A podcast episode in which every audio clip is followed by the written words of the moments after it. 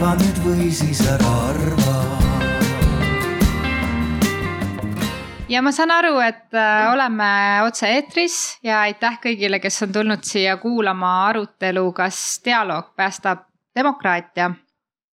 Äh, mina olen Helen Tammemäe, hetkel äh, töötan nõustamisagentuuris Milton konsultandina, nõustan peamiselt kestliku arengu teemadel, aga kõikidel sellistel ühiskondlikel ähm, teemadel ka. Ja minuga koos on siin täna arutlemas Hannele Valgeniemi äh,. tere, tere äh,, siis äh, Soome Instituudi Eesti juht ja Kairi Tilga, Eesti Koostöökogu juht. tere. ja Janek Uibo. tere. edasi väljaandja ja peatoimetaja äh,. võib-olla ma sissejuhatuseks äh, küsin teie käest väga provokatiivselt, et äh, kuidas te niimoodi nipsust öeldes ütleksite, kas dialoog päästab demokraatia? no kes julgeb alustada sa juba alustasid ja mina seda sõna päästab veidi kardan tegelikult ise ja ma ütleks, et dialoog kahtlemata rikastab demokraatiat. ma võiksin öelda, et peaaegu päästab. et on päästmise teel, see on päästevahend. ja, ja võtta teistpidi, ilma dialoogita kindlasti ei pääse Annele võttis sõnad suust ja ma arvan, siin saabki välistamise järgi täpselt väga hästi ka vaadata, kas pigem jaa, pigem ei, pigem jaa. No siis meil on, mida arutada, nii et äh, Kairi, võib-olla sulle sissejuhatuseks ähm, äh, küsiksin su käest, et meil on olnud siin Eestis väga erinevaid äh, siukseid demokraatiat edendavaid algatusi nagu rahvakogu ähm,, kliimakogud demokraatia häkk IT-valdkonnas et äh, mis on nende ettevõtmiste sellised peamised õppetunnid äh, sinu arvates olnud? no ma ütleks, et peamine õppetund on see, et need töötavad väga hästi ja tõepoolest äh, nad näitavad meile, kui hädasti me vajame sellist nii-öelda rohujuure kaudu lähenemist, et tegeleda väga suurte ja keeruliste teemadega ja tegelikult eh, noh, sellele nimekirjale lisaks, mida sa praegu mainisid, eh, on meil ka endal väga värske kogemus sellest aastast, kus me esimest korda Eestis eh, koostöös Raamatukogu Hoidjate Ühingu ja, ja ka raamatukogude teema-aastaga proovisime ka sellist dialoogilist meetodit äh, rakendada raamatukogude kaudu. et kuidas, kas raamatukogud võiksid olla need kohad meie külades, linnades, äh, kuhu inimesed, kuhu harjutada inimesi minna arutlema mingitel olulistel teemadel. ja noh, et see on jälle üks selline viis tuu-, tulla, tulla kokku ja mõelda koos mingitele teemadele, püüda mitte minna riidu ja tõepoolest äh, harjutada seda koos mõtlemist ja koos rääkimist ja mitte karta neid keerulisi küsimusi ja võib-olla ka selliseid äh, teemasid, mis tunduvad juba eos, et ei, ei, ma ei oska ega ei, ei taha mitte midagi öelda, eks ju, et tegelikult see võimalus meil on olemas. nii et äh, neid erinevaid meetodeid ja mudeleid on katsetatud Eestis juba piisavalt, et nüüd me peaksime minu meelest neid lihtsalt kuidagi noh, eskaleerima, laiendama ja tava, tavapäraseks, tavapärasesse praktikasse viima. Hannele, kuidas äh, Soomes on püütud äh, demokraatiat edendada selliste kaasavate algatuste näol? Need on mitmeid erinevaid ja need on ka viimaste aastate jooksul veidi enne koroonat on, on alanud ja ma ei oska neid kõiki nüüd tõlkida eesti keelde. on olnud näiteks selline kui Kansanvallan peruskorjaus ehk siis noh, rahva valla kapitaalremont, kas see on õige? Ja siis on võib-olla kõige tuntum on meetod, mille nimi on eretaugu ehk vaheaeg, mis on selline vestlusformaat dialoogile põhinev vestlusformaat, mida on nüüd edendatud meie Tulevikumaja Sidra algatusel aastast kaks tuhat üheksateist. Ja see läks nii edukalt eh, ede, eh, edasi, et see Eretaugu muudeti oma sihtasutuseks mis teeb koolitusi igal pool, mina olen ka läbinud selle koolituse, et erisugustest asutustest ja, ja, ja esialgu tundub, et tundub, et jah, see on nüüd nagu noh, käime ju dialoogi ja vestleme, aga see on kardinaalselt erinev lähenemine vestlusele ja, ja, ja toob selle turvalise vestluse keskkonna mis on kõige olulisem siin ühiskondlikus vestluses, ma arvan, nii Eestis kui Soomes ja millest Soomest on räägitud viimastel aastatel, et kuidas ma väljendan oma arvamust turvaliselt, ilma et ma saan kohe peksta. kui ma lähen sotsmeediasse, ma saan kohe peksta võib-olla juba siin saab peksta, ei tea, pärast arvamuse avaldamist. et, et, et sul, et sa oled loll ja sa eksid ja sa, sa, sa, et lihtsalt minnakse kohe nagu isikli, isiku peale. ja selliseid vestlus foorumeid on väga vähe ja kõik, me teame ka kõik seda, et meediamajad on, on kippunud neid sulgema, nii Soomes ka, kuna modereerimine on väga kallis.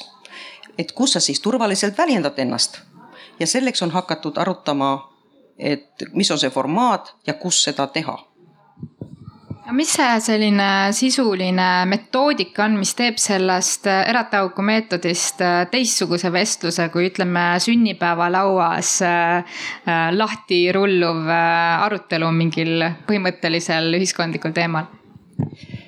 see põhimõtteline vahe on see, et sünnipäevalaud ei ole struktureeritud. siin on teatud võib-olla juba väga lihtne nagu lastemäng, umbes, et nii ja nii mitu minutit räägime nagu kahekesi omavahel ja nii ja nii mitu minutit me räägime nagu suuremas seltskonnas, siis jälle omavahel ja siis tuleb jälle mingid vahekokkuvõtted ja siis sa pead ka avaldama, et mis sulle nagu pähe jäi sellest kõigest. sünnipäevalauas need kõik valjuhäälsemad räägivad ja, ja siis need, kes arvavad, et oi, mul ei ole midagi öelda ja ma ei oska sellesse nüüd sõna võtta või et ma kardan vaid äkki see üks keda ma ei tunne sellest sünnipäevalauast, siiski ründab. et siin on reeglid, konstruktiivse vestluse reeglid. kas ma ütlesin õige, õieti eesti keeles? et on lepitud kokku, et isiklikuks sa ei kunagi ründa inimest, et sa räägi ja sa räägid ainult omast kogemusest. mitte nii, et, et Ühendriikide äh, president on loll vaid nii, et mulle kuidagi tundub, et ma sama kui abielunõustajad ütlevad, et ära nüüd ründa seda abikaasat, vaid ütle ainult, et mul on halb olla, näiteks ja, ja see on see, mis on ja, ja seal on moderaator, et sünnipäevavestlusel ei ole. et see on see, mis võib-olla, et hea sünnipäevavestlus tegelikult ongi dialoog ja see areneb ja läheb edasi, kõik on austatud vaid siis kõiki austatakse, kõigi arvamusi, aga see on, see on reeglisse kirjutatud ja see ongi see tegelikult nii lihtne asi on nii raske kui tohib, siis ma kohe see sünnipäevamudel hakkas mul peas kohe tööle, et tegelikult see ongi see, milles on meil täna ka probleem, et kogu meie ühiskond ongi nagu selles mõttes see sünnipäevapidu, kus need julgemad arutavad, väga tuliseid vestlusi peavad ja siis on terve hulk inimesi, kes on vait ja tegelikult meil on täna väga palju inimesi, kes äh, tunnevad, et nad ei ole väärtustatud, kes ei ole kaasatud kuidagi meie, ma ei tea, ärme räägi isegi nagu riigiellu, vaid räägime kasvõi kohalikku ellu. et äh, meil on äh, palju inimesi, kes tunnevad, et neid ei nähta, neid ei väärtustata ja see on probleem tegelikult ja nüüd ongi küsimus, kas dialoogiga me saame ka neid inimesi kuidagi vaikselt kaasa tõmmata, et ka nende hääl hakkaks kostma, et ka nende vajadused hakkaksid äh, kuidagi nii-öelda äh, saaksid sõnastatud. ja vot siin ma tunnen küll, et tegelikult dialoogi viimine hästi kohalikule tasandile, näiteks raamatukokku on ülioluline, sest see on täpselt see koht, kus need inimesed võivad käia, kes tegelikult nendel suurtel sünnipäevapidudel ei julge sõna võtta. nii et, et noh, minu selline tunnetus on, et me peame just ka riigina nägema neid, neid asutusi, seda ressurssi, kes tegelikult on inimesele hästi lähedal ja kus käivad need haavatavad grupid, keda me muidu kenadele suurtele kaasamisüritustele ja sünnipäevadele ei saa ja ma korraks hüppaksin siit äh, kõrvale selle osas, et mulle jäi kõrvu see, et, et tavaliselt, kui sa kuskil mingisse tulisesse diskussiooni astud, siis on väga tõenäoline, et sa saad kuidagi peksa seal. et äh, ajakirjandusega on natukene samamoodi, et äh, mulle tundub, et väga paljud äh, väga võimekad inimesed, kes võiksid arvamust avaldada meedias, ei tee seda enam sellepärast, et nad satuvad sinna selle kommentaariumi ja võib-olla oponentide turm äh, tule all, et. Äh, Janek, kuidas sulle tundub, et kas selline ajakirjanduse polariseeritusele ülesehitus, et kas on võimalik luua kuidagi rohkem dialoogi edendavat ajakirjandust? no me üritame edasi ka seda teha tegelikult, et äh, kui ma mõtlen üldse edasi missiooni peale, siis äh, see on natuke rohkem isegi kui ajakirjandus, et ta ongi selline haridusprojekt, mida ma olen ise ka algusest peale mõelnud. ja selle missioon on äh, luua toetavat keskkonda ja panna tahtma olla parem et ta ei olegi selline ajakirjanduslik ju otseselt missioon, et ta on haridus ja, ja, ja ütleme, et selle keskkonna loomine on äh, üks suur eesmärk, et teha midagi sellist, sellist väljaannet, mida Eestis ei ole. et me ei ole uudismeedia, me oleme aeglane ajakirjandus, eks, ja, ja kui luua selline rahulik keskkond, kus äh, kus kirjutatakse mitte igavatel teemadel. see, kui sa ei ründa, see ei tähenda automaatselt, et eh, see jutt on igav, eks ju. ta võib olla samamoodi innustav ja inspireeriv, eks ju. Need inimesed peavad valdama seda keelt, suutma oma mõtet niimoodi avaldada, et seda on huvitav jälgida. ja sa pead ühtäkki lihtsalt avastada, et eh, väga mõistlik jutt ja, ja, ja ma ei ole närvi läinud ega midagi sellist, eks ju. et noh, ma leian, et, et see formaat võiks inimesi kõnetada ja ja see ongi selline dialoogi pidamine selles mõttes ju, et, et, et jah, et on üks sõna, millega me ennast defineerime ka, ütleme, et me ei ole kuri. aga see ei tähenda, et, et ei saaks olla nagu põnev ma ei tea. ma selle koha pealt äh, kipun ikkagist jõudma sageli sellise Äh, tõdemuseni, et, äh, et äh, noh, samamoodi nagu siin Arvamusfestivalil, Arvamusfestival tähistab oma kümnendat sünnipäeva tänavu. et me kipume ikkagi sellistes ähm, nii edasi puhul, võib-olla ma ise kunagi tegin müürilehte siin Arvamusfestivalil, et siin on tegelikult üsna sellised sarnaselt mõtlevad inimesed koos, et kuidas nüüd vältida seda, et me ei, et me suudame luua sellist dialoogi loovat keskkonda ainult nende sarnaselt mõtlevate inimeste seas? Selleks see raamatukogu kui Rahvavalla vaid dialoogikeskus ongi hea mõte. raamatukogu on väga demokraatne koht. peaaegu kõik käivad raamatukogus. raamatukogus äh, tehakse palju muid asju ka ma arvan, et Eestis äh, tuleb seesama suund, mis on Soomes juba alanud, äh, see ka nüüd võin eksida aastaarvudes, kaks tuhat seitseteist võib-olla tuli uus raamatukogu seadus meil, mis tegelikult määratles seda, et raamatukogu peab olema demokraatia keskus. selline hariv mitte hariv ajakiri, vaid siis hariv koht. et me oleme, me oleme harjunud harima ennast lugema, me oleme lugeja kansa, rahvas, mis ongi hea. lugemise kaudu oleme harinud ennast ja, ja, ja jõudnud kaugele vaesest metsas rahvast aga see, et raamatukogus on ka palju muid asju, no seal, see ei ole ainult seda, et me laename sealt nüüd siis õmblusmasinaid või muud sellist, vaid seal korraldatakse vestlused ja, ja seal kogutakse arvamusi ja see on see, see on nii madala künnise koht, sa saad ilma rahata sinna minna sa ei saa minna kuskile klubisse, võib-olla restorani või mujale, et selleks, see on üks võimalus neid inimesi haarata.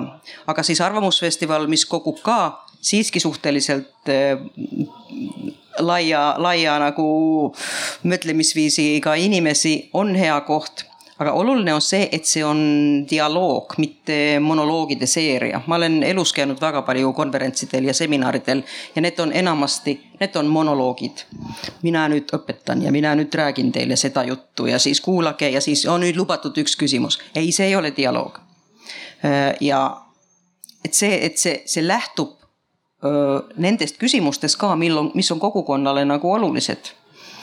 ja sa rääkisid sellest turvalisest ajakirjandusest, mis ei ole kuri, ma arvan, et siin vestluskultuuris on oluline probleem, on meedia iseenesest või meediasse sisse kirjutatud loogika. ma olen olnud väga kaua ka ajakirjanik, ma olen ka korraldanud vestlussaateid ja ma möönan ausalt, et et alati on öeldud, et kõige parim vestlussaade on see, kui lähed väga tulises ja siis möökadega vehkleme nii ja naa ja noo ja siis vaatame, kes on parim. no see on nagu gladiaatori võistlus, ei, see ei ole dialoog üldse, see on meelelahutus nagu ajakirjanduse nimel. Miks need ei vehkle mingi muu asjaga, äkki see võiks olla mingi täitsa muu asi. me arvame, et, et demokraatia edeneb selle, kui me, kui me väitleme ja, ja püüame teist veenda see saksa väljend durch die besten argumenten, et kui me kõik nüüd ütleme kõik meie argumendid, nii eks ta saab küll aru. siis me oleme lõpuks kõik nagu samal meelel, aga nii see ei lähe, kuna on tegemist on ka väärtustega. Ja siis kuna väärtustega, väärtusi ei saa muuta, no paljud püüavad seda ka teha, nii siis püütakse teha seda argumentide lahingut ja see loob täitsa erine, erisuguse keskkonna, et meil ei, meil ei ole sellist dialoogi formaati meedias üldse, kuna see ei ole põnev vaadata, just me hakkame nüüd omavahel siin rääkima. no mida need vaatajad siis näevad? täitsa igav.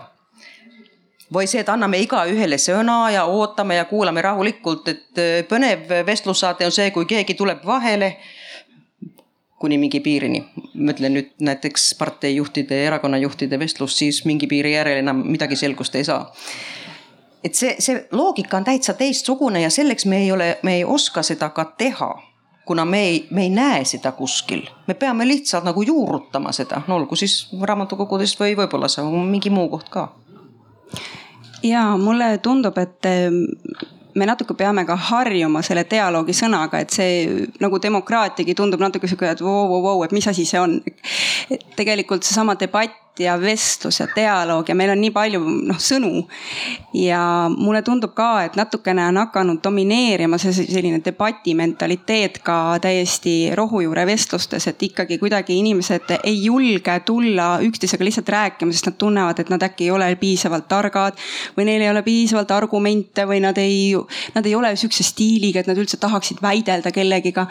ja ja niimoodi jäävadki inimesed eemale ja tegelikult see noh, taaskord on probleem et eh, seesama pilootprojekt, eh, millest ma siin enne ka korra rääkisin, et, eh, et need raamatukogud, kes meil esimest korda nüüd Eestis siis omandasid, kaksteist raamatukogu Eestis, kes omandasid oskused, siuksed üsna sügavad teadmised, kuidas tegelikult dialoogi luua, mis on need osised, kuidas inimesi kokku kutsuda, mis teemasid valida. et ja nad tegid ka oma esimesed dialoogid juba, kes üks või juba mitu tükki ka läbi kohalikus oma kogukonnas. ja need, äh, see tagasiside, mida me kogusime inimestelt, kes siis osalesid tõesti üle Eesti nendel erinevatel dialoogidel raamatukogus. et tegelikult see tagasiside mõnes mõttes üllatas ja mõnes mõttes ei üllatanud, aga tõepoolest inimesed äh, väga mitmed mitmelt poolt üle Eesti ütlesid, et nad tegelikult ei uskunud, et see töötab, aga see töötas et tegelikult oli ka väga huvitav vestelda, väga nagu normaalne oli kuulda ka teistsugust arvamust võib-olla inimeselt, kelle sa tunned oma kogukonnas, et noh, mul temaga tegelikult ei ole millestki rääkida. aga et see meetod kuidagi töötas, inimesed olid rahulikud, ootasid rahulikult oma jutu järge, sest tõepoolest see on äh, väga põhimõtteline osa, et ei räägita korraga, vaid kuulatakse ja, ja räägitakse siis, kui on sinu kord. ja see kuulamise moment ja see aeglane vestlus, mis tekivad sellise meetodiga, ongi nagu see, mis äh, tekitab selle tunde, et vau, see on tegelikult töötab nii et me saime tõesti väga palju seda tagasisidet, et, äh, et see töötab ja seda on vaja ja nendel raamatukogudel, kes osalesid, paljudel on juba piltlikult öeldes järjekord ukse taga, et meil on vaja veel need teemad rääkida niimoodi läbi ja need ja need. Ja ka vallaametnikud on äh, juba meile tagasisidet andnud, et, et et noh, nende silmad justkui avanesid, aa, meil on raamatukogu, et seal käivad need inimesed, keda meil on tegelikult vaja kätte saada. ja et me tegelikult saame koostöös raamatukogudega arutada väga palju noh, ka nii-öelda kohaliku omavalitsuse jaoks olulisi teemasid läbi ja saada nagu sellist kaasamist teha. nii et ähm, jällegi meil on tegelikult hulk ressurssi üle Eesti, mis on võib-olla mõneti uinuvas olekus, aga, aga me saaksime neid äh, noh, üksteise mõttes tööle panna. nii et see dialoog on kindlasti üks väga oluline asi, mida me kõik ju vajame, mida toovad välja ka inimarengu aruanded iga aasta, et see on see känd, mille taha väga palju ka meie arengut jääb, sest me ei oska koostööd teha ja me ei oska üksteisega rääkida. et äh, noh püüame siis nagu mitte enam võib-olla nii palju siia nii-öelda probleemi kirjeldusse jääda, vaid leida neid äh, lokaalseid viise, kuidas hakata treenima ennast, et me saame küll tegelikult ja, ja on olemas need kohad, kus seda saab teha ma ajakirjanduse poolt ütleks seda, et jah, loomulikult me ei, ei, meil ei ole inimesed kohapeal, kes omavahel vestlevad, et ei ole sihuke klassikaline dialoog. aga, aga keskkonna mõttes, kui me mõtleme, et me saame rahulikult, turvaliselt oma arvamust väljendada, et sellist tahaks küll luua. ja et siin eh, ei ole küsimus selles, et, et, ähm, et avaldame ainult ühte tüüpi mõtteid, eks, et me vähemalt, kui ma räägin meie väljaande pinnalt, siis me otsime tegelikult inimesi, kes on omal alal professionaalid ja armastavad seda, mida nad teevad ehk siis on lootust jõuda ka teiste inimeste südamesse.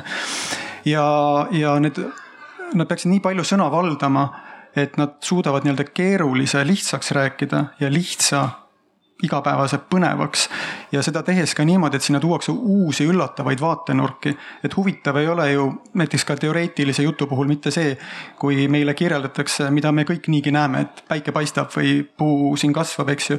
vaid et neid teadmisi seostatakse, tuuakse mingi üllatav vaatenurk sinna sisse. nii et sa lugejana tekib tunne, et ohoo, et niimoodi saab ka mõelda. ja aga see, see on tehtud sellisel moel, et see ei ole kuidagi ründav vaid see on kuidagi hariv. Et sa võtad seda, et sa võtad seda õppimisel ka niimoodi, sa võtad seda vastu, et sul on loodud selline keskkond, et sul on mugav seda vastu võtta. Et ja selleks on äh, need teejuhid, ma nimetan neid meie kaasautoreid ka teejuhtideks või referentideks või toimetajateks, kes siis on omas äh, vallas sellised eesrindlikud mõtlejad ja ja, ja ma arvan, et sellest sõltub väga-väga palju ka, et, et see Äh, diskussiooni pidamise viis, et nad annaksid head eeskujud, saab ka teisiti. et ma olen noh toonud ka sellist näidet, et, et noh müügimeeste koha pealt, et äh, me kõik kujutame ette, et tavaliselt müügimehed on hästi pealetükkivad. aga on kindlasti ka teistsuguseid müügimehi ja kui me ajakirjanduse koha pealt ütleme, siis, äh, siis ajakirjanduses ka öeldakse, et müra on hästi palju, et kõik ajakirjad, ajalehed on ühesugused aga me tahame öelda, et me oleme teistsugused eks, et kuidas me seda teisi veenda sellega saame, et see meie keskkond või meie sünnipäevapidu või see meie raamatukogu, et see on, et see on turvaline koht, siis see tegelikult tuleb läbi praktika.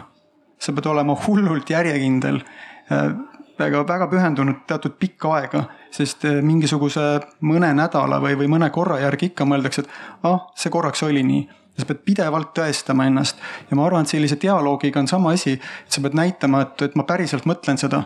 et, et see ei ole selline manipuleerimine, vaid, vaid nii ongi. ja siis inimestel on võimalik valida, et, et jah, näiteks meedia kontekstis, et on kiire, palju uudiseid ja siis on ka rahulik meedia ja inimene saab otsustada, et okei okay,, kas ma tahan seda või teist.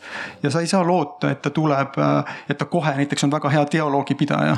et me kõik täiskasvanud õpivad eriti teistmoodi kui lapsed. et äh, sa pead lihtsalt olema olemas ja ta kuuleb, võib-olla keegi veel ütleb, ta vaatab, et okei okay,, et see on ka täitsa okei okay ja, ja saabki ilma mõõkadega vehklemata, on ka põnev, eks ju. et see on selline pidev järje, noh järjepidev töö et see on see, mida ma saan öelda lihtsalt viimase kuue aasta kogemuse pealt, millal ma väljaannet olen teinud, et, et ähm, et ja miks ma sellega ka jätkan endiselt, on see, et ma näen, et äh, sellest on kasu. et me saame palju tagasisidet, et, et selline mm, noh, nõudlik lugeja on olemas. ja, ja see annab, see annab julgust ja ma arvan, et siin annab äh, tuua paralleele selle dialoogi keskkonnaga väga selgelt ja ma ka kuidagi just hakkan sellest kinni, et, et sa ütled, et tuleb äh, mitu korda teha et, ja kogu aeg harjutada, et see ongi see mida meil on vaja, et me praegu, meid ei päästa nüüd üks suur dialoog üle Eesti, eks ju, vaid me peame hakkama seda dialoogilist mõtteviisi või, või minugi poolest eluviisi kuidagi kuskilt otsast nagu proovima ja harjutama, jah, et mõtteviisi, et, et see ei ole lihtsalt, et me nüüd õpime mingi tehno, tehnika nagu selgeks ja, ja nüüd on kõik korras ja me hakkame üksteisega vestlema. vaid see peab algama ka koolist, kuidas me koolis näiteks äh,, kuidas õpilased on kaasatud dialoogiliselt näiteks kooli elu loomisesse või elu korraldamisesse ja see peab hakkama kuidagi nagu erinevates kohtades pihta ja noh, et, et tõepoolest me ei, me ei saa eeldada, kui senimaani pole inimesed harjunud äh, mõtlema endas kui ressursist näiteks äh, kohalikus külas, eks ju, et siis me ei saa nagu eeldada, et nad tulevad kokku kutsutud dialoogile ja kuidagi kohe nagu panustavad äh, täie rauaga, et see on ikkagi selline pikaaegne harjutamine. ja loomulikult äh, selleks on vaja inimesi, äh, kes oskavad äh, selliseid dialoogi ikkagi luua. et, et see, sellist võrgustikku on raudselt vaja vähemasti sellisel määral, et seda kultuuri muuta natukene ma tahaks lisada, et siis see on minu arust nii Soomes kui Eestis tasand, mis veel puudub, et meil on igasuguseid, meil on küll olemas kaasamise protsesse. näiteks kui teha, tehakse omavalitsuses otsuseid, et sa saad avaldada oma arvamust. aga meil ei ole harjumust sellele kuulamisele, mis ei vii tulemuseni. ja oluline on mõista see, et dialoogiga ei, ei tahetakse saada midagi tulemust, et jah, et pärast seda dialoogi me oleme võib-olla nüüd üht meelt. me ei teha selle tulemusena otsust, vaid me kuulame erinevaid arvamusi ja meeldivad meile või mitte aga selle eesmärk ei ole teha otsust, et otsuse tegemises see ei tööta. Loomulikult, et äh, meil on Soomes kombeks äh, naerda rootslaste üle ja alati, rootslased diskuteera, diskuteeravad terve aja, nii palju räägitakse ja räägitakse ja otsuseid ei tea. aga tegelikult äh, siin on midagi, millest me ei ole saanud aru, et siin on see kaasamise metood. Ja siis tehakse otsus. Ma ei ole täitsa kindel, kas see Rootsis töötab nii, aga siiski nüüd ma olen püüdnud seda uuesti ka mõtestada, et äkki see, mida me, mille üle me oleme veidi võib-olla naernud, et miks nad nii palju räägivad ja räägivad ja räägivad. aga see ongi see, et ja, ja siin on palju nagu valupunkte ja selliseid küsimärke, et mida sa siis teed, kui sa, et sind kuulatakse ja siis sa ütled, et jah, et siia kohta ma ei taha, et see tee läheks, näiteks see kergliiklustee. ja okei okay,, võtame arvesse sinu arvamuse, aga siiski me teeme teisiti ja see on küll väga valus, et kuidas sa seletad, et see ei ole see ot-, otsused tehakse siis eraldi, aga see kuulamise protsess ja kaasamise protsess peab andma sulle vähemalt sellise tunne, et sa, sa oled kuidagi selles osaline noh, siis on ka sellised igasugused näidisdemokraatia projektid, et no öelge nüüd oma arvamus ja siis me teeme nii, kui ma olen ise otsustanud. ei, see ei ole jälle dialoog et seda ei saa nimetada dialoogiks siis, kui tehakse otsuseid. dialoogi on eraldi. kas minu segasest jutust nüüd tuli midagi selgust? Väga hästi suunasid äh, jutu täpselt sinna, kuhu me liikumas olime, aga ma võib-olla tooks välja veel selle, et võib-olla seda äh, probleemistikku ilmestab väga hästi ka see, äh, mis metafoore me kasutame, kui me räägime vestlusest, et te ise siin ka kasutasite väga palju mõõgad välja, kaklus, kes võidab. et, et sellised filosoofid ja metafooride uurijad nagu Lakoff ja Johnson on välja pakkunud selle, et mis oleks, kui dialoog oleks nagu tants. et kus siis need erinevad dialoogi osapooled või vestluspartnerid tantsiksid omavahel. aga, aga mm, ma paraku ikka leian ennast täpselt sellest samast kohast, et kena, me oleme selle ilusa tantsu äh, ära teinud. Äh, kõigil on olnud äärmiselt meeldiv, aga siis tuleb kuskilt äh, ülejärgmine päev otsus, mis ei võtnud üldse arvesse kogu sinu tantsukava. et, et mis etapis me siis mm, kasutame seda kaasamist ja dialoogi ja kuidas me põhjendame nendele inimestele ära selle, et aitäh, teie arvamus oli oluline, aga me ei võtnud seda arvesse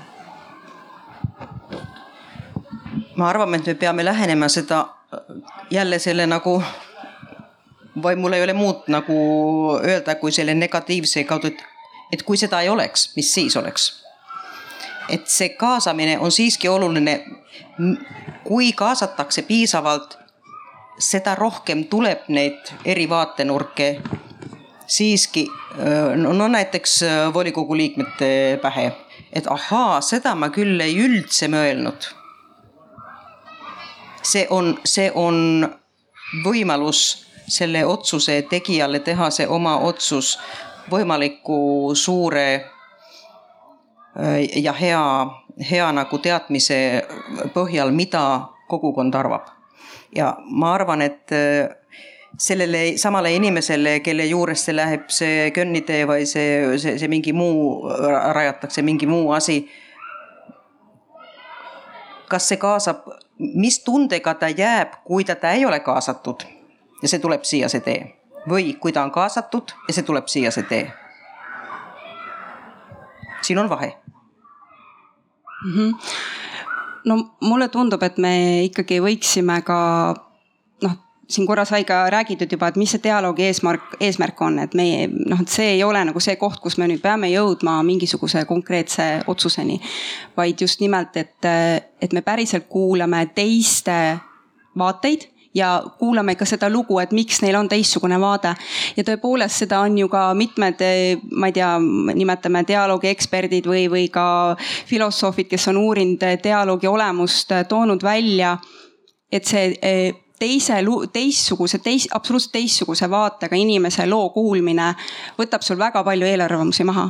Ja, ja neid katseid on siin hiljuti tehtud ka just poliitiliste äh, vaadetega, väga eri nii-öelda äärmuslike poliitiliste vaadetega inimeste kokkutoomisel ja nende nende vahelise dialoogi loomisel, et piisab ainult kahest tunnist, et need inimesed täiesti nagu inimene inimesega räägivad omavahel ja nende eelarvamused on selgelt vähenenud. Nad selgelt ei mõtle enam nii, et ah, see inimesed, tal ei olnud piisavalt ennem nagu tead, noh piisavalt seda infot, et kuidas teha samasi otsuseid nagu mina teen, on ju. või et ta on lihtsalt natukene võib-olla rumal ja need asjad kõik vähenevad juba kahes, kahe tunni vestlusega, nii et noh, mulle tundub, et siin see võluvõti on väga palju selles, et me lihtsalt ühes füüsilises ruumis saame inimesi nagu kokku tuua ja üksteisega rääkima panna. sest noh, see on ju teada probleem, et seda avalikku ruumi, kus inimesed ka spontaanselt kohtuvad, on aina vähem. ja noh, taaskord raamatukogu jälle kui üks väheseid selliseid avalikke demokraatlikke ruume on, äh, kus inimesed saavad kohtuda, aga sellise sotsiaalse taristu teadlik loomine kasvõi tänavaruumi, mõnusa pargiruumi näol, kus äh, inimesed saavad trehvata tutvusi sobitada, spontaanseid vestlusi alustada. et need võivad viia sügavate vestlusteni, sügavate kohtumisteni, uute nii-öelda suheteni ja seda me peame soodustama noh, iga hinna eest, sest tegelikult see vähendab seda polariseeritust, sellist eelarvamusi ja noh, minugi poolest neid kõiki kriise, mis meil on, eks ju. nii et noh, mulle tundub, et ikkagi see fookus tuleks seada sinna, et meid on vaja kokku tuua ja rääkima panna omavahel, mitte otsustama panna väga nõus selle jutuga, mis sa siin rääkisid, eriti kuulamisega. aga kohe, kui sa küsisid, siis mul lõi pähe endale selline mõte, et hmm, et kui mulle miski põhimõtteliselt ei meeldi, eks ju, et, äh, et ikkagi tehakse teistmoodi, siis mis variandid mul on, et ma võin ju ise teha et kui ma toon äh, paralleeli siis äh, kasvõi selle valdkonna peale, kus ma ise olen, et mõnes mõttes me teeme ajakirja iseendale, oma sõpradele, oma sugustele ju, eks ju. et sa teed seda, millest on puudu ja jällegi see on noh mulle tundub, et edukas on asi siis, kui sa oled seal ise nagu läbi tunnetanud, nagu väga tugevalt usud selles, sest ükski selline teekond ei ole lihtne. aga, aga see on, kui, kui nagu ise ei tee, siis lõppkokkuvõttes saab vaadata, et kuidas sa seda ruumi enda ümber suurendad, sedasama väärtusruumi, eks ju. et et teed sa siis lõpuks partei või teed sa midagi muud või saad sa, sa lähed valla, vallavalimistele, lähed mingi oma nimekirjaga. jah, seal ei ole kiireid lahendusi, eks, aga nii nagu ka coach imises öeldakse, et et, et, et noh, kuidas maailma parandatakse, et kui sa hakkad mõtlema, et maailma parandamine, kõik on nii katki, jube suur ülesanne, et see teeb, no me ei jaksa, on ju. aga elevanti süüakse ka tükikaupa ja, ja elu parandatakse või, või ütleme coach imises ka, et edasiminek toimub üks vestlus korraga et kui niimoodi hakata vaatama, siis tegelikult äh, see asi on tehtav, sõltub, kui kiires perspektiivis me mingeid muutusi äh, soovime. nii et äh, ise ega riik, see oleme meie see on sellise väga progressiivse, positiivse ellusuhtumisega inimese filosoofia. Ähm, ja ma mõtlen selle peale, et kui me tahame luua sellist head dialoogi, siis see eeldus peaks olema, et kõikidel nendel inimestel, kes sinna dialoogi partneriks tulevad või osapooleks tulevad, et neil on ka see hea tahe siis kuulata teist ära. aga me näeme, et meie ümber on ka väga palju huvigruppe, kes äh, torpeteerivad selliseid äh, häid kavatsusi ja tulevad ikka oma jutupunktidega äh, ja ei ole tegelikult huvitatud sellest dialoogist. et kui palju teie olete nüüd kokku puutunud oma nende algatuste käigus selle sellega, et, et on, on mõned sellised huvirühmad, kes ei lase sellel dialoogil tekkida? mulle tundub, et see on siiski üldjoon, et, et tullakse selle oma jutuga ja, ja et see on see põhijoon ja, ja heal juhul teised hakkavad arvama nii nagu mina. ja siis on hea dialoog, kui ta hakkab arvama nii kui mina et ma arvan, et see on pigem see üldjoon ja, ja me peaksime julgustama inimesi kes, kes tavaliselt sõna ei võta, tulema kaasa. Ja mul, see oli väga-väga tore ja ilus näide, me korraldasime koos just Eesti Koostöökoguga raamatukogu teema-aasta raames Äh, ühe sellise, no võib-olla nimetan seda nüüd loomakatseks siis ka et nii nagu ka raamatukogudes. Äh, olime Rahvusraamatukogus ja äh, võtsime osa, Soomes käidi selline, oli just selline nagu väljakutse, et osa üleskutse, kumb, üleskutse. et osalege dialoogil demokraatia kaitseks ja seda korraldati Soomes ja ka mitmes teises riigis ja ka Eestis. et kutsuge inimesi, kes tavaliselt ei, ei nendes meedias esinevad või ei ole ei sõna võtta. ja kui raske oli inimesi saada, ega mina ei ole mingi arvaja. ega, ega mul ei ole midagi sellele öelda. ja, ja miks mina, et võtke sinna nüüd neid, kes teavad midagi kes, kes tavaliselt sõna võtavad. kõige suurem probleem, mulle tundub, on see, et inimesed on juba, juba eemaldunud sellest, et nad arvavad, et jah, huvigrupid, vaid sellised seltsid, parteid, erakonnad et need tulevad selle oma monoloogiga ja kui ma olen piisavalt tugev, siis ma, ma tulen sellega kaasa või ei tule. aga see, et mina nüüd lihtsalt arvan asjast, mis on võib-olla veidi liiga suur või keeruline, ega mul arvamust polegi. see oli see raskus jah, et see konfliktidega toimetulemine või nende erimeelsuste talumine on äh, kindlasti dialoogi üks äh, suurimaid, dialoogi looja või ellukutsuja üks suurimaid väljakutseid.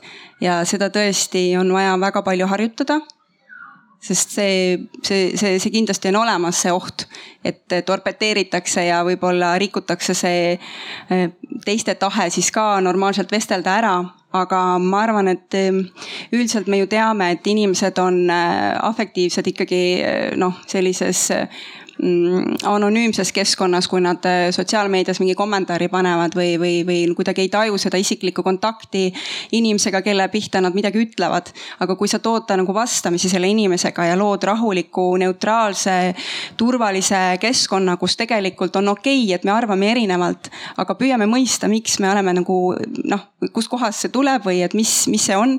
ja tegelikult siis ei öelda niimoodi üksteisele et, et noh, üldiselt see nii on, nii et jällegi taaskord see, see füüsiline kontakt on äh, väga võimas kontakt ja me peame mõnes mõttes taas harjutama ennast seda väga lihtsat akti tegema, et vestleme üksteisega nagu ma ei tea, enne vanasti, enne vanasti lõkke ümber, eks ju, et tegelikult see on midagi väga lihtsat, mida me, me peame mõnes mõttes taas üles leidma endas. ja mulle tundub, et ega me siit äh, ilma selliste kodanike oskustega, et kuidas üksteisega vestelda austavalt ja, ja edasiviivalt, äh, ega me ilma nende oskusteta ka ei tee ära siin rohepööret ega muid suuri pöördeid, mida on meil vaja teha, sest noh, see on see känd, kuhu me muidu komistame ikka ja jälle, me peame need asjad ju ühiskonna üksikisiku tasandil kuidagi selle muutuse esile kutsuma, mis meil on vaja esile kutsuda, et tulevik oleks teistmoodi. ja kuidas me seda kutsume ikkagi niimoodi, et me jagame üksteisega kogemusi, me jagame oma hirme, me jagame oma mõtteid ja, ja noh, see minu meelest see on üks tee, kuidas me saame edasi liikuda ja mulle õudselt sümpasi-, noh, õudselt on kole sõna, aga mulle väga sümpatiseerib eh, Soome riigi eh, algatus, eh, mis juba koroona ajal ellu kutsusite, et, et tõesti riik tajus ära, et inimestel on uue olukorra ees väga suur hirm. ja üldse, et inimestel on väga erinevad hirmud seoses koroonapandeemiaga ja kõik see, mis nüüd tulemas on ja kuhu me liigume ja mis saab, meie õigused on nüüd ära võetud ja mis demokraatiast saab. ja nad rakendasid käegakatsutavalt ellu selle, mida tegelikult Soome on ju aastaid harjutanud oma inimeste peale, kuidas me üksteisega vestleme, kogu see selline dialoogiline kultuur. Ja, ja need koroona aja dialoogid, mida üle riigi ellu kutsuti, oli riigi jaoks tohutu ressurss, nad said sealt väga head tagasisidet.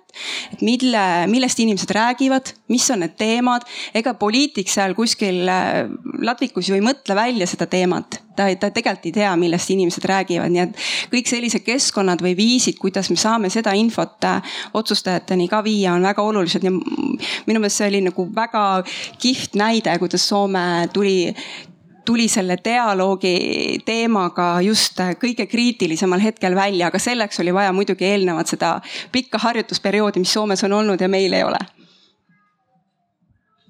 tore, et sina ütlesid seda muidu oleks kõlanud nagu mingi soomlane tuleb oma äh, reklaamikõnet Soomest pidama, et äh, ma, ma kuidagi arvan samamoodi siiski ja, ja, ja, ja kui olla aus, ega me ei tea, kui suur kasu ja nüüd demokraatia on päästetud, no ega see nüüd nii ka ei ole. aga ega see nüüd ei halvemaks ka läinud vast-, vastupidi, ei läinud halvemaks. ja, ja, ja aga need ei tulnud tõesti nagu iseenesestmõistetavalt ja Soome vestluskultuuris on võib-olla nagu veidralt äh, teistsugune probleem kui Eestis. Eestis tuleb äh, kiiremini see möökade, möökadega vehklemine, aga Soomes tuleb see, et oi-oi-oi, meil on nüüd väga kiiresti ühele meelele saada vaja. konsensus on, me peame leidma, sina oled eri meelt, ole nüüd vait.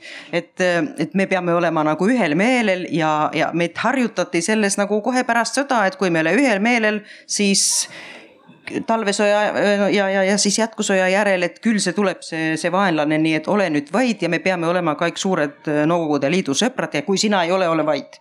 et see konsensus nagu see oli nagu selline sundkonsensus vähemalt ja see, kuid see rikkus küll loomulikult seda vestluskultuuri, aga selle hea põhjus oli küll see, et, et äh, nagu alltaju alitajunda, mis see on Al, alltajus me. alateadvuses. alateadvuses me püüame siiski leida seda ühisosa pigem kui seda osa, mis, äh, mis on erinev ja see on jälle hea. et pole halba heata jah, ma tulen tagasi sinna suguvõsa sünnipäevalaua juurde, et äh, minu suguvõsa sünnipäevalauas kipub sama juhtuma, et kui keegi tuleb väga tugevalt arvamusega, mida ülejäänud suguvõsa ei aktsepteeri, siis kiiresti eskortakse teisiti mõtleja kuskile, ma ei tea, kohvi keetma või midagi sellist, et. et niimoodi me ilmselt äh, neid keerulisi teemasid arutada ei saa, aga ma korra äh, reflekteerin seda, mida ma kuulsin teie käest, et, et selle dialoogi ja arutelu kultuuri põhiline selline selline väärtus on see, et me suudame kaardistada hästi palju erinevaid arvamusi ja meil tekib palju laiem arusaamine sellest, et mida ühiskonnas üldse nendel teemadel arvatakse. kas nüüd nendes raamatukogus läbiviidavates meetodis, kas ähm, seal ka kuidagi fikseeritakse need erinevad arvamused, et, äh, et kas see on ka üks osa sellest dialoogikultuurist, et saaks siis kirja need erinevad arvamused kuidagi? No nii siin Soome algatuses on tehtud nii, et seal on see, seal on moderaator, mitte moderaator, vaid seal on keegi, kes kirjutab, kirjutab neid nagu anonüümselt. Siis, kui need on tehtud selle riigi, selle initsiatiivi all siis ja need saadetakse ja ka see üks vestlus, mida me tegime nüüd siis Eestis, see on ka nüüd seal kuskil ootamas kokkuvõtted, ei tea, kuidas see mõjutab seda kokkuvõtet, aga, aga siin, siin on seda tehtud küll, aga seda ma ei tea, et oleks tore tegelikult, kui, kui näiteks omavalitsuse tasandil keegi saaks need arvamused kätte, otsustajad näiteks. Et selliseid kogukonnafoorumeid ehitamise projekte Soomes on ka, muid ka, kui see, Soomes on ka siis selline raamatukogude rahvavalla äh, algatus käimas ja, ja see pilootprojekt sai just jätku. aga siis on ka erinevates suurtes linnades, no kõik tunnevad nüüd mured, et kuidas kaasame, kuidas kaasame, et kaasava eelarve on üks, mis on ka Eestis olemas, aga sellised äh, digifoorumid näiteks, kus kogutakse inimeste arvamusi, on üks. ja nendes, nendes neid võetakse, neid kirjutatakse neid küll üles, aga, aga kui korraldatakse neid dialoogi, seda ma ei teagi, et see oleks küll väga, see oleks äärm, äärmiselt hea. Ma arvan, et väga oluline on ka see, et äh, mis teemal see dialoog on, et äh, kui, kui näiteks siin, kui ma mõtlen selle peale, mida valisid need kaksteist raamatukogu oma esimese päris sihukese kogukonna dialoogi läbiviimiseks, siis need olid väga erinevad teemad, et kuidas kuidas näiteks noored, mida noored vajavad meie kogukonnas, millist linna me vajame. mis teemasid üldse peaks kogukonnas arutama, et noh, sellised teemad. ja, ja dialoogis ikkagi on see, et kindlasti see kokkuvõte, mida kirjutatakse, noh, ei ole selline personifitseeritud, et seal ei ole, et see arvas seda ja see arvas seda ja tulemus on see. vaid ikkagi see mingisugune meelsuse kraadimine, teemad, mis on õhus ja nüüd on see küsimus jah, et, et kas raamatukogu näiteks on piisavalt heas partnerluses kohaliku omavalitsusega, et viia see teadmine sinna, kus tegelikult on seda väga vaja. ja muidugi see võiks käia ka noh, niimoodi sünergiliselt, et, et sellistel koosviibimistel või dialoogides osalevad juba ka eh, kohaliku piirkonna poliitikud, eh, kui on teemad, mis on siuksed suuremad teemad. aga, aga jah, et et taaskord selle dialoogi mõte on ikkagi mõista, mis on õhus, mõista üksteise vaateid, kuulata üksteise lugusid ja, ja see kuulamine ja, ja see äh, teineteisega rääkimine juba loob väga suure osa sellest tulemusest, mida me tahame saama. tegelikult me tuleme sealt ära sellistelt vestlusõhtutelt väga rikastatud hea enesetundega, et seda me saime ka oma tagasiside küsitlustelt nendelt inimestelt.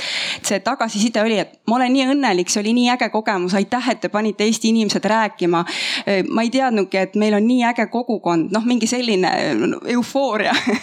Et siis see tundub tõesti, et, et see tavaline lihtne tore rääkimine on väga teraapiline. Ja, ja ta ongi teraapiline, sest ka dialoog äh, on ka ju laienenud väga palju ka teraapiasse, nii et selles mõttes ta ongi, miks ta, kui ta töötab väga hästi näiteks psühhoteraapias või sotsiaaltöös, miks ta siis ei võiks töötada ka ühiskonna ravimises mõtlesin ka, et, et mis ma saan öelda nagu ajakirjanduse poole pealt, et kuidas me selles asjas nüüd nagu kaasa aitame või, või et kas meil on midagi öelda, et jäin mõtlema selle peale, et et äh, selle, selle tulemuslikkuse koha pealt, et, et me saame vaadata, mida me avaldame. Et mis tüüpi lugusid tegelikult, et, et kui noh, peast niimoodi ütlen, et sellised lood, mis puudutavad inimese enesearengut ja, ja, ja, ja noh, igas mõttes hakkama saamist. et siis need on hästi loetud artiklid, et äh, et lihtsalt, et mitte, mitte jah mängida inimeste mingitel sellistel äh, hirmu tekitavatel või, või mingitel sellistel väga tugevatel tunnetel. aga me näeme, et inimesed otsivad öö, seda tüüpi lugusid et ähm, noh, sa ainult sellele ei saa keskenduda, eks ju, et sa pead midagi muud ka kõrvale pakkuma, aga võib-olla see on ka mingisugune üks näitaja. et, ähm, et, et see valmisolek äh, on, ma arvan, lugejatel olemas, et äh, kõik tahavad saada oma loomult tegelikult ju paremaks, mitte, mitte ma ei tea, kehvemaks suhtlejaks kasvõi ma, ma lisaks äh, sellele, et mida, mida, et tulemusi selle dialoogiga ei otsita, aga oluline asi on, on tõesti see, et tuleb neid, mis õhus on. Et see on see üks tulemus või, või kasu, aga teine kindlasti sama tähtis on see, et see inimene ise tunneb, et keegi viitsiks pöörduda minu poolde tai et on olemas koht, kus ma võiksin öelda. et see inimese oma tunne kaasatusest, kaasatusest. ja kolmas on siis see vestlema õppimine, et need kõik kolm on tegelikult siin et see ei ole ainult see, et see on nüüd mingi ideekorje nagu otsustajatel, et jah, sellisest asjadest inimesed räägivad, et, et mitte ainult see. Ja mitte ainult see, et inimene tunneb, et oi, mind nüüd võeti arvesse. Ja, ja mitte ainult see, et me õpime vestlema nagu no, ilma, ilma mööga, möö, möögaga vehklemist no te tõite siin kõik välja seda, et selle dialoogi eesmärk on saada kõnelema need, kes tavaliselt ei räägi. Janek, kuidas on, kui keeruline on leida edasisi kirjutajaid, kes tavaliselt ei kirjuta? No tegelikult kirjutajaid leida ei ole väga keeruline, kuna me avaldame lihtsalt vähem. see üks eesmärk on meil ka, et vähem on rohkem, et veebi võib-olla kaks-kolm lugu päevas ja siis paberjääkiri kord kvartalis, et. et pigem on see küsimus selles, et, et noh, et mida me, et millist mõtet me tahame võimendada.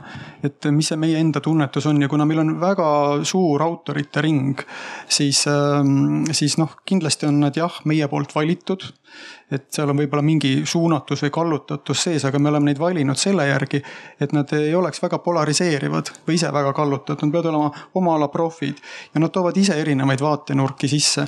nii et kui nad tunnevad, et näiteks keegi kirjutab majandusteemal või keegi ühiskonna teemal ja ta tunneb, et, et sellest on vaja praegu kirjutada, siis ta, siis ta kirjutab ja, ja kui meil endal tekib tunne, et vot mida, kedagi oleks vaja sel teemal kirjutama, siis tegelikult ei ole väga keeruline kirjutama saada inimesi, kes. Ähm, kui nad, kui nad tegelikult noh, ma, ma, ma arvan, et seal on küsimus ka selles, et et äh, kõik tahavad olla äh, seotud kuidagi väärikate või, või väärtust loovate asjadega ka, et ma vähemalt ise tahaks niimoodi loota, et kui sa ei ole just mingi selline mm, tehases nagu tekste produtseeriv nagu inimene, et vahet ei ole, kuhu läheb. et siis ähm, see on ikkagi mõne inimese looming, nii nagu kellegi joonistab pilti, loob heliteose, keegi kirjutab teksti, ta tahab, et see oleks ilusti välja pakutud, seal oleks mõju ja see mõjukus sõltub ka sellest, et noh, kus sa seda natukene siis näitad, et, et äh, mm,? sa pead täpsusta küsimust, et ühesõnaga lühike vastus on selles, et kirjutama ei ole keeruline, keeruline saada pigem me otsime seda, et sellel inimesel oleks ka midagi öelda ja ta oskaks seda teha sellisel moel, et, et seda oleks võimalik lugeda, et selle esimestest lausetest ei lähe kohe solvamiseks nii-öelda. või näiteks, et noh, me ei ole uuriv ajakirjandus aga see ei tähenda jällegi, et, et see ei saaks põnev jutt olla, mis tulemas on. lihtsalt see inimene peab oskama kirjutada, rääkida, et küsimus ei ole selles, et millest rääkida, kõigest võib. tähtis on, kuidas, kuidas sa seda teed.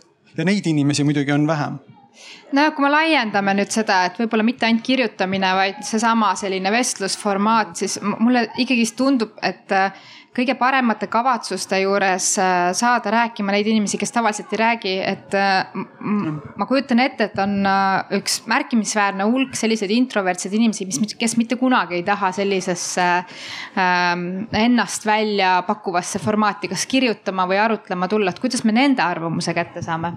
aga ma väga hea, et sa täpsustasid, ma täpsustan veel seda oma vastust ka, et, et tegelikult äh, see, see ongi ka keskkond, et ta tunneks, et ta sinna oma mõtte nüüd kirjutaks.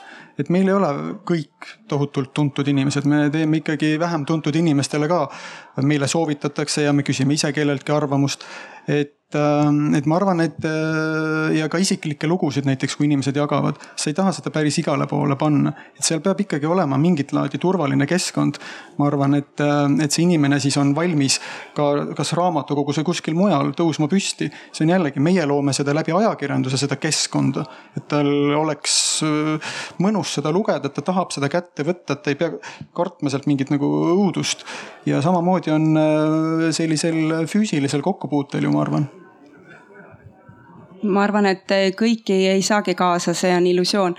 aga peab püüdlema selle poole, et neid inimesi, kes ei räägi ja kes on kuidagi üksinda või isolatsioonis sotsiaalses mõttes, et me leiame nad ülesse ja, ja seda tööd oskavad kõige paremini teha või, või neid inimesi näha, märgata.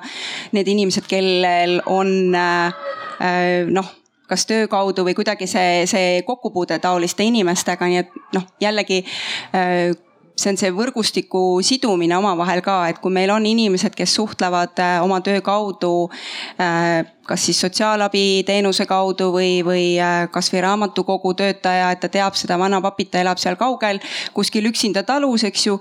aga ta käib siin noh ja küsib minult mõnikord, kuidas, kuidas nagu midagi teha, eks ju, seal internetis näiteks.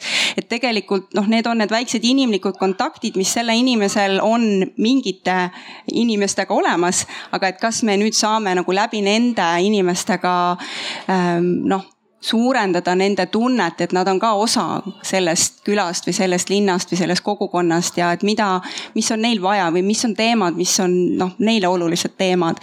et, et seda ei saa sihukese suure kaasamiskampaaniaga, et seda, see peab olema selline üks-ühele suhe, rahulik suhe, pikaajaline suhe et ähm, ja, aga ma arvan, et see on illusioon, et me kõik need inimesed kaasa kuidagi saame ma jätkaks, et jah, see turvaline keskkond on üks võti, kõiki ei saa kunagi kaasata, aga see, et see on turvaline ja see on mitteründav, see on rahulik. ja, ja siis me peaksime kuidagi nagu tulema ka sellele nagu mõistmisele, et see ei ole, see ei ole esinemine. et inimene ei taha tulla esinema. ma tulen nüüd esinema oma mõttega, ei, ma tulen lihtsalt jagama ja teised tulevad kuulama ja jagama, et inimesed äh, inimesed tundevad hirmu ka selle oma arvamuse avaldamises, nad arvavad, et e-, ega ma ei täpselt teagi, äkki ma olen homme teisel, teisel arvamusel, et siis selle keskkonna, selle turvalisuse loomise, see on väga pikaajaline töö. ja siis ma arvan, siis me võime saada, saada need introverdid ka kaasatud. Ja, ja siis teine asi on ka see, ma äh, mäletan hästi, me, ma osalesin projektis äh, Soomes, kus oli püüdsime luua sellist vestlusformaati Tampere linnas, kus, kus on teise astme õpilastele nagu gümnaasiumiealistele nagu seitseteist, kaheksateist. arutame nagu neid küsimusi, mis neid väga nagu põletavad, igasuguste nagu, mis iganes need on, mis tõusevad sealt. ja, ja kipub tavaliselt olema nii, et, et noored ei julge avaldada oma arvamust, et tunnevad, see on häbi, et nüüd toi see teine kuulab, mida ma ütlesin ja äkki ma ei olnud nii tark, kui ma tahtsin. Et aga sellise nagu keskkonna loomine, turvalise keskkonna loomine, et sa võid avaldada ka seda, et sa ei ole nüüd kindel. meid on ka õpetatud, et me peame olema, maailmas on liiga palju arvamusi, ma olen sellel arvamusfestivalil. Kas seda võib öelda siin, aga, aga me, me kipume võtta, ah mida ma nüüd sellest arvan ja nüüd ah,, nüüd on see tankikriis ja mida ma nüüd sellest arvan ja me, me ei pea arvama nii kiiresti kohe midagi. Ja me võime ka arutada omavahel ja siis hakata arvama jah, noh kõigele lisaks on ju ka väga tugevalt esile kerkinud see niinimetatud tühistamiskultuur, et kui sa väljendad midagi, mis justkui nagu laiemale üldsusele ei sobi, et siis sa võidki sattuda põlu alla. seda on juhtunud paljude noorte inimestega, kes on, ma ei tea, kunstnikud, DJ-d, teinud ühe vale postituse ja, ja saanud pikaks ajaks võib-olla oma karjäärile mingisuguse pitseri peale. Mulle väga meeldib see mõte, et me ei pea kogu aeg, meil ei pea kõigest olema kogu aeg arvamus, et me võime ka jälgida siis teiste mõtteid ja vaikselt seda arvamust pikapeale äh, kujundada. ja meie ühiskond ei, ei valmista meid sellele see valmistab meid ellujäämisele ja ellujäämise üks osa on see, et tea kohe, mida peab tegema. Äh, nii nagu oleks sõda käimas, no ongi sõda käimas. Aga selline nagu see rahulik arvamuse nagu kasvatamine või korjamine, et tegelikult dialoog on ka seda, et sa, sa ei siis tule sinna nüüd, et kuulage nüüd lõpuks ometi mind, vaid mina tulen kuulama et kuidagi ma näen äh, nii palju vestluseid, igasuguseid vestluseid näinuna, et seda lihtsalt ei veel eriti ole, see on nagu uus. aga kuidas sa seletad nüüd sellele inimesele, kes ei, ei, ei näe seda, et seda ei ole, kuna seda ei ole, nii sa ei näe seda. Aga nüüd mina olen hakanud nägema, et seda ei ole ja ma arvan, et siin on see võluvõti ka äh, jälle selles samas harjutamises, et me peame saama ka ise kogemusi, mis asi see hea vestlus ja sügav vestlus on. ja kui me loome rohkem neid kogemusi rohkematele inimestele, siis me oskame ka tahta rohkem. et võib-olla nagu see on ka see võti, ehk et siis jällegi ärme karda seda innovatsiooni, ärme karda algatusi, uut laadi riskantseid ettevõtmisi. et näiteks raamatukogud peavad hakkama selliseid asju nüüd tegema, et tegelikult seal võib peituda see kuidagi see edasiminemine või innovatsioon ja, ja, ja tegelikult seesama ka sotsiaalne innovatsioon on väga palju seotud üksteise kuulamisega, et seesama, kui hulk inimesi tuleb kokku. Nad räägivad omavahel, vestlevad sealt tekib mingisugune täiesti uus ühis, ühiselt sündiv mõte või mingisugune edasimineku idee, mis kunagi ei tule nagu üksikinimesena sul nagu pähe. nii et, et see selline ühistarkus, mis on ka võimalik ainult siis, kui me räägime omavahel. Üks muide väga hea küsimus on nendest dialoogist äh, ka see, et kas kõik peab, kas kõik peab striimima. Kas äh, inimesed, on palju inimesi, kes küll avaldavad arvamust, kui see ei lähe nagu eetrisse aga nüüd, kui neid vestlusi on korraldatud igasuguseid, igas organisatsioonis sadu ja tuhandeid juba ja Kaigo on nüüd olnud eriti koroona ajal striimis. Need on ka esinemised, et dialoog ei ole esinemine ja see ei ole see sellisest dialoogist, mis on nagu aeglane arutamine, see ei ole nagu praeguses maailmas hea meedia. siis seda on igav vaadata ja, ja võib-olla, et me, meil peab olema rohkem selliseid selliseid äh, viise vestelda, mida ka ei striimita, mis ei lähe kuskile. aga kui sa nüüd ütled selle mingi organisatsioonile, mis tahavad olla väga nagu digitargad, no see tähendab seda, et kõik peab striimima. no ei ole moodne mõte. mind korra mõtlema, et noh, meil ju ajakirjanduses ei ole meil vähemalt trükiajakirjanduses sellist dialoogi, sellist füüsilist dialoogi, aga ma jäin korraks mõtlema sellele, et, et näiteks Korra, meil on meil on äh, paar, paar tagasisidet mulle kohe meenus ja üks, kus üks kunstikriitik ütles ühe teiste kunstikriitiku artikli peale, et vaata, et ta muidu on olnud üsna selline sõjakas, eks ju, välja nagu kirjutanud. Teile kirjutab ta kuidagi teistmoodi, et ei ole nii sõjakas. et, et võib-olla see nüüd haakub selle jutuga, mis me siin räägime ka, et, et kui sa lood sellise keskkonna, siis, äh, siis me võtame nagu eeskuju millestki sellisest, äh, mis seal siis on ja sa kirjutad sinna auku selle, see ei tähenda, et sa kirjutad kuhugi kõlakotta, aga sa valid selle stiili.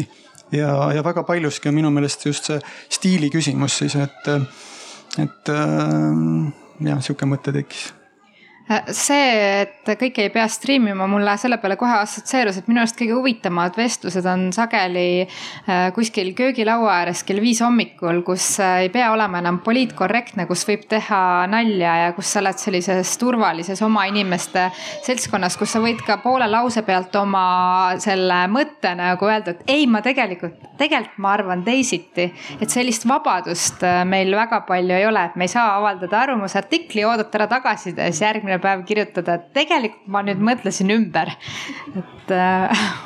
aga siis, äh, kas meil on omavalitsusi, raamatukoguid, kes julgevad nüüd äh, minna vastuvoolu ja öelda, et jah, me korraldame nüüd vestlusi ja me ei striimi neid?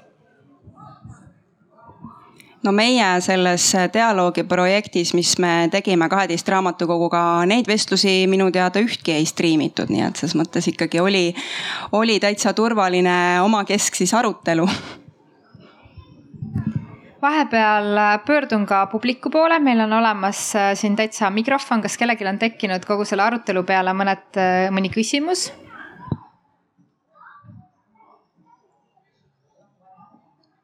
me oleme pidanud monoloogi. ei pea olema ekspert, ei pea võib kõvasti, võib kõvasti mõelda. kõigepealt aitäh väga põneva diskussiooni eest ma tahan küsida kahte asja, üks on see, et äh, kas on mingeid kohti, kus dialoog on äärmiselt halb mõte. mitte kunagi ei ole seda vaja ja see tekitab probleeme. Äh, näiteks äh, ma ei tea, kui sa sõjaolukorras on ju, või kui on väga kiiresti vaja midagi otsustada, sul ei ole aega, mingid sellised olukorrad. ja teine on see, et kas kellelgi teist on kogemust dialoogidega väga vaestes kogukondades, kus probleemiks on kas nälg või palgavaesus või sellised asjad. ja kui need inimesed on pettunud, kui nad on juba pettunud, et kas see dialoog kuidagi aitab neid või nad lähevad sealt minema, nad on ennast väljendanud ja, ja siis ikkagi see otsus ei tule see, mida nad tahtsid. jah, aitäh. väga head küsimused sojas loomulikult, ma, ma ei ole dialoogi eks, ekspert, ma olen äh, lihtsalt ühiskondlik ekspert, et meil on dialoogi eksperte siin, siin näen isegi koha peal. Äh, aga, aga siis sellises asja tundmist, ekspertiisi vajavas ja, ja action'i vajavas olukorras nagu haiglas, tervishoius äh, ja sojas see, see läheb väga hierarhiliselt ja siis saab, see peab olema see käsuliin nagu selge, et see, see on selge, et sojas seda ei saa kasutada. Ma ei oska öelda, kus see piir läheb, see on, see on huvitav küsimus, et äärmused on kindlasti teada, aga see, et kus see piir läheb, seda, see on hea küsimus ja ma jään vastu, mul ei ole arvamust et ja jäängi, jäängi, eestlase on muide see ilus väljend, mida soomlastel ei ole, et ma jään vastuse võlgu. et ma, ma ei, et soomlastel ei ole seda väljendit, et äh, mul ei ole arvamust sellel, aga see on hea küsimus, seda tasuks, tasuks mõelda, et kuhu see piir pannakse. aga otsuste tegemises see ei ole, et siis otsuses peab olema mingi otsus ja see on, peab kaas-, kaasamine peab olema, aga aga see dialoog ei ole see, millega sinna jõutakse, no vähemalt siin linnavali valitsuses või volikogus. ja vaeste, vaeste nagu kaasamine, mul isiklikku kogemust ei ole, mul on küll kogemust vestlustest väiksetest külakondadest, kus on ka vaeseid inimesi ja kus need on kaasatud.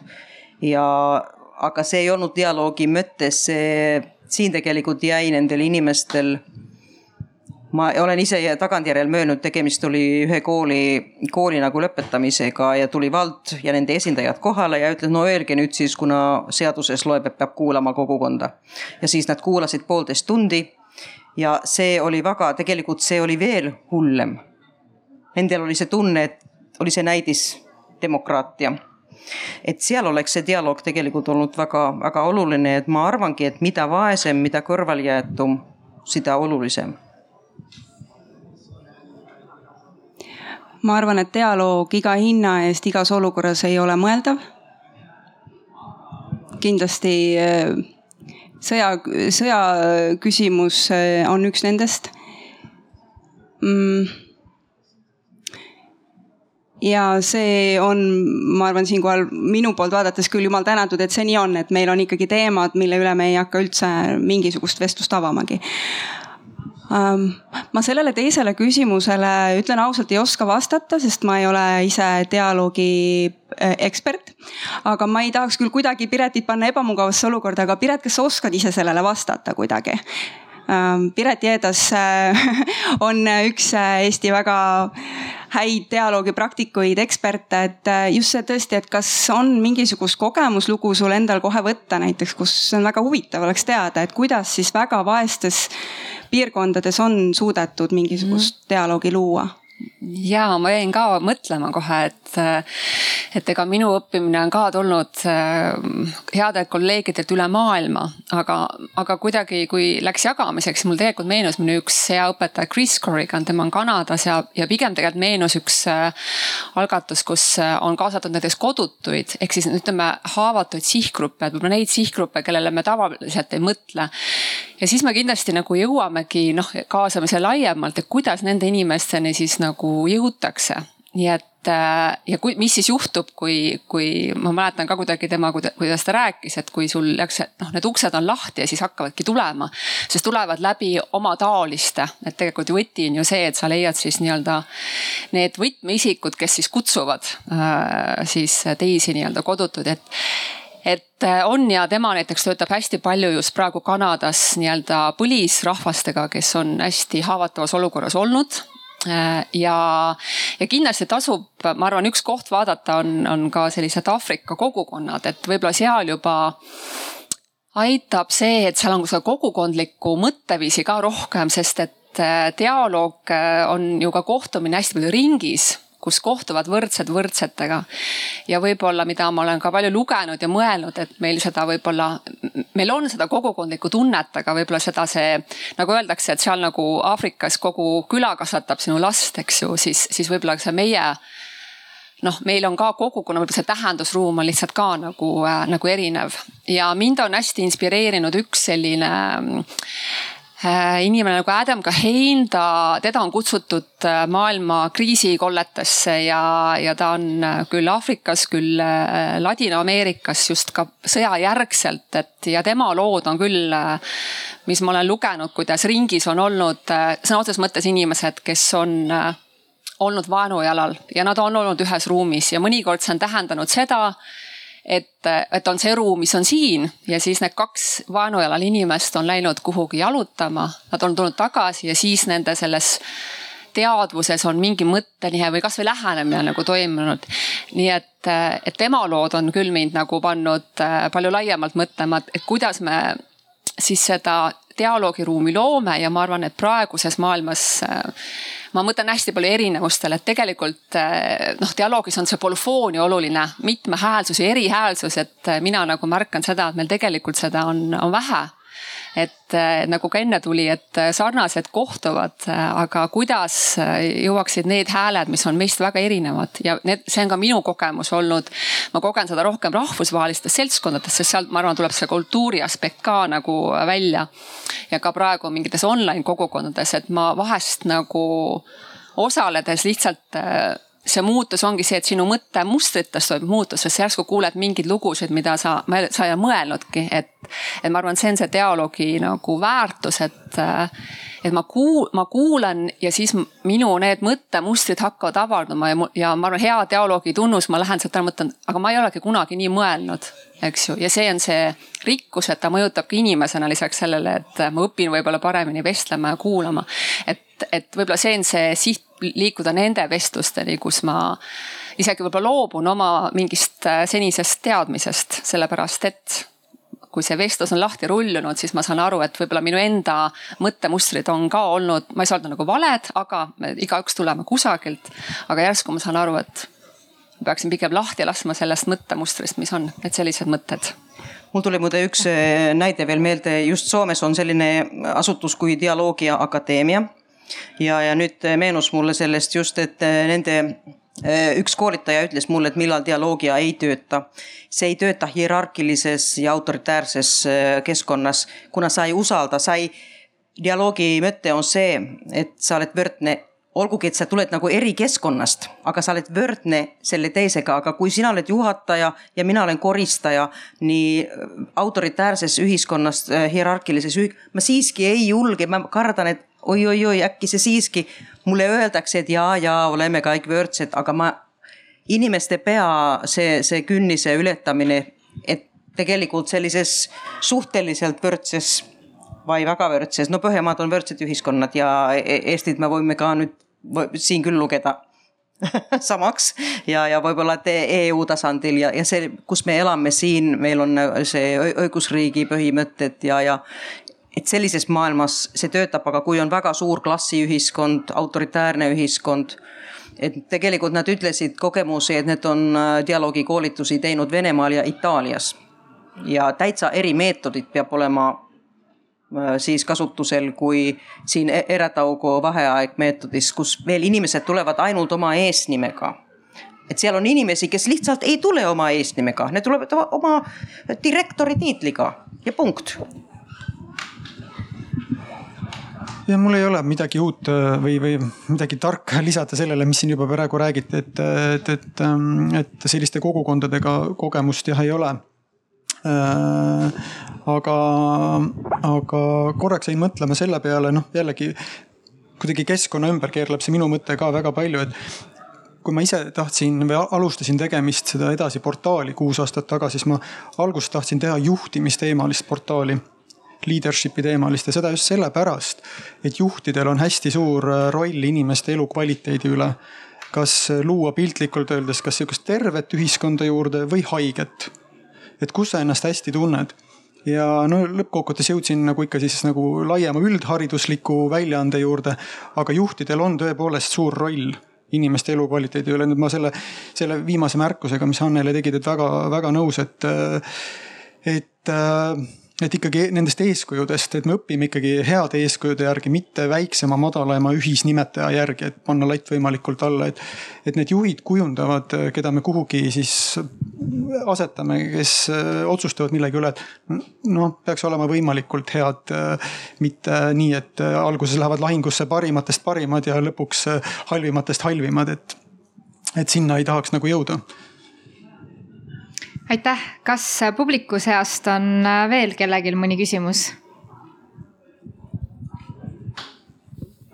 ma ei ole küsimus, aga ma võib-olla see rõhutus, rõhuasetus, et äh, Anneli, sinul enda loo peale, mul on olnud võimalus töötada ka Kõrgõzstanis. ja ja jäi mõtlema selle noh, et hierarhiate peal tõesti näiteks seal äh, arvamusfestivalile, kui seal ka oleks, siis äh, sealt tulevad ainult käsu, käskkiri tuleb kõigepealt ja siis äh, vaadatakse, et kas minu nimi on seal või ei ole ja siis sind lennutatakse kuhugi. aga maailma Terviseorganisatsiooniga ma seal toimetasin üle mingi poolteist aastat ja, ja siis mul oli võimalik, kui ma käisin mitu korda, siis ma tegelikult nägin neid väga väikseid noh, nagu samme, et isegi ka väga sellises kontekstis, kus nagu esiteks inimesed ei tule kunagi õigeaegselt kohale, see on nagu üks pool. Ja need, seal on need seal ongi väga selge, kes, kelle, kes kellele nagu allub, aga ma nägin võib-olla inimeste isiklikus kogemuses, see on see üks-ühele, et tegelikult ka nemad janu, noh nagu janunevad selliste vestluste järele. ja pisitasa me jõudsime sinna, et, et, et, et nad said jagada, et lihtsalt see on väga, noh, see on veel väga pikk nagu teekond. aga ma arvan, dialoogi üks, kui rääkida siis juhtimistasandist või rollidest, et, et see loomulikult saadab, aga äh, minu jaoks dialoogi et kui see saab sinu jaoks nagu jõuab kohale, et dialoogis inimestena me kohtume alati võrdsetena. mina olen inimene, siin minu kõrval on inimene, sellel tasandil me oleme alati nagu võrdsed.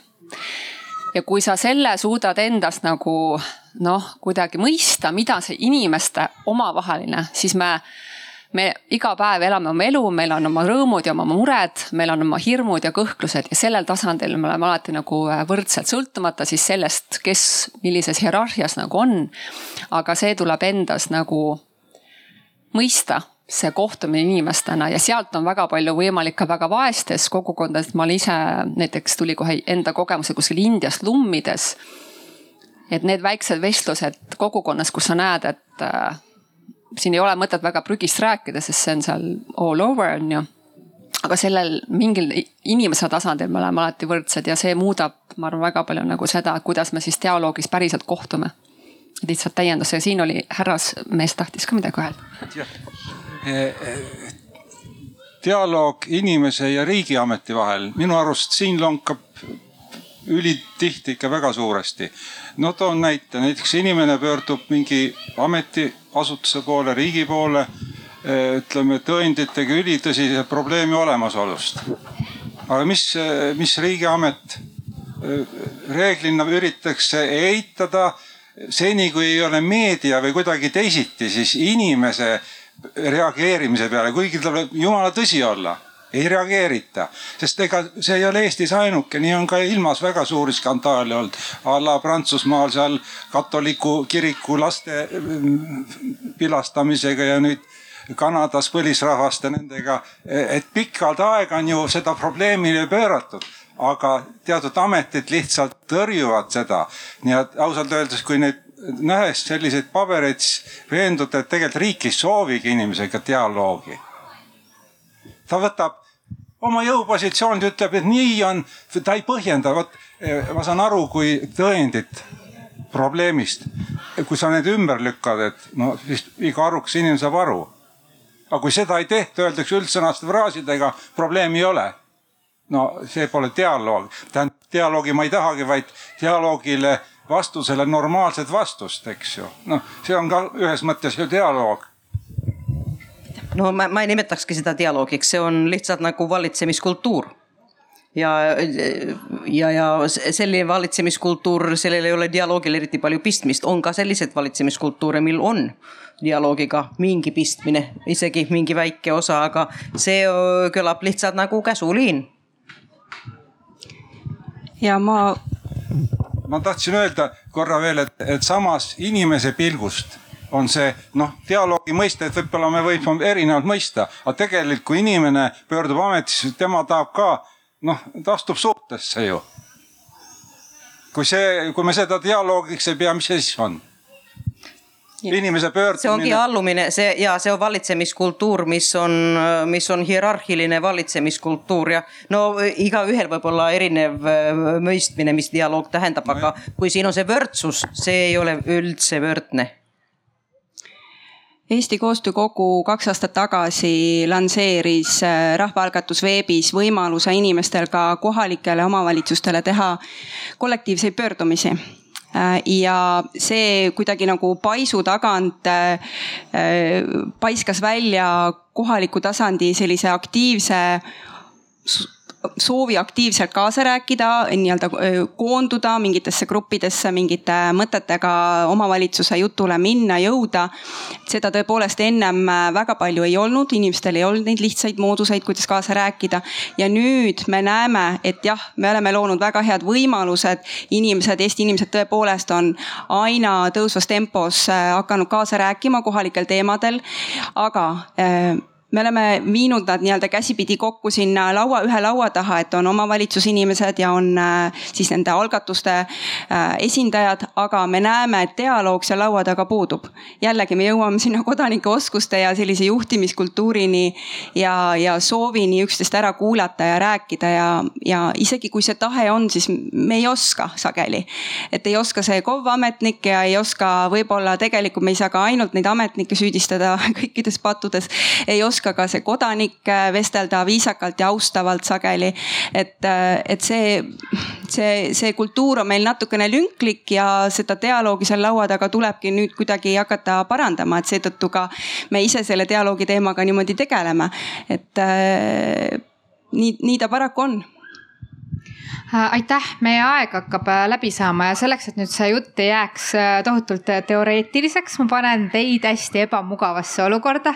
ehk siis me teeme väikese dialoogiharjutuse, aga ma vaatan, et enamus teist istuvad nagunii juba paaris inimestega, kes, keda te tunnete, nii et see ei ole nii hull, kui see võib-olla kõlab. kuidas me selle dialoogiharjutuse siin läbi võiksime viia? No siin erataugo meetodis on nii, et on paaris vestlus ja, ja jagatakse oma muljeid. ja näiteks kaks minutit või viis minutit, et mida mul nüüd sellesse pähe jäi ja siis lõpuks on ka see või siis oma muljeid ja siis lõpuks on see taipamine, et mida ma taipasin, kas ma taipasin sellest vestlusest, kas mul jäi nüüd midagi nagu kotti, kui ma lähen sellest nagu edasi, et kas ühtegi mõtet mul jäi või jäi mõtteks see, et oh täitsa mõttetu. Ühesõnaga väga lihtsasti öeldes, vaadake nüüd enda kõrval istuvale inimesele otsa ja äh, kõigepealt räägib üks, kaks minutit, mis ta siit kõrva taha paneb, siis mina ütlen, et kaks minutit on täis ja siis vahetate ja aeg läheb käima nüüd. nii, aitäh ähm, kõigile, ma äh, küsin, et tõstke palun käsi kõik, kes arvasid, et see oli väga ebamugav.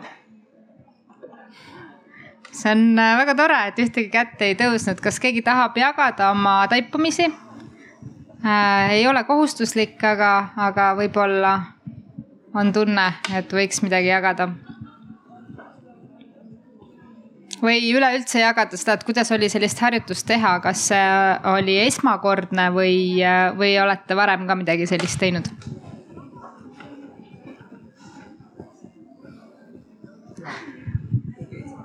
tundub, et, et ähm, keegi rohkem jagada ei taha, igal juhul ähm, ma loodan, et, et suguvõsa sünnipäevad lähevad lihtsamaks Äh, ja ma loodan, et rohkem tekib seda ruumi ja kohta, kus äh, on võimalik äh, niimoodi vabalt ja mänguliselt oma arvamust avaldada. aitäh tänastele osalejatele ja järgmiste kordadeni. selge see, et ega kõike kõike teha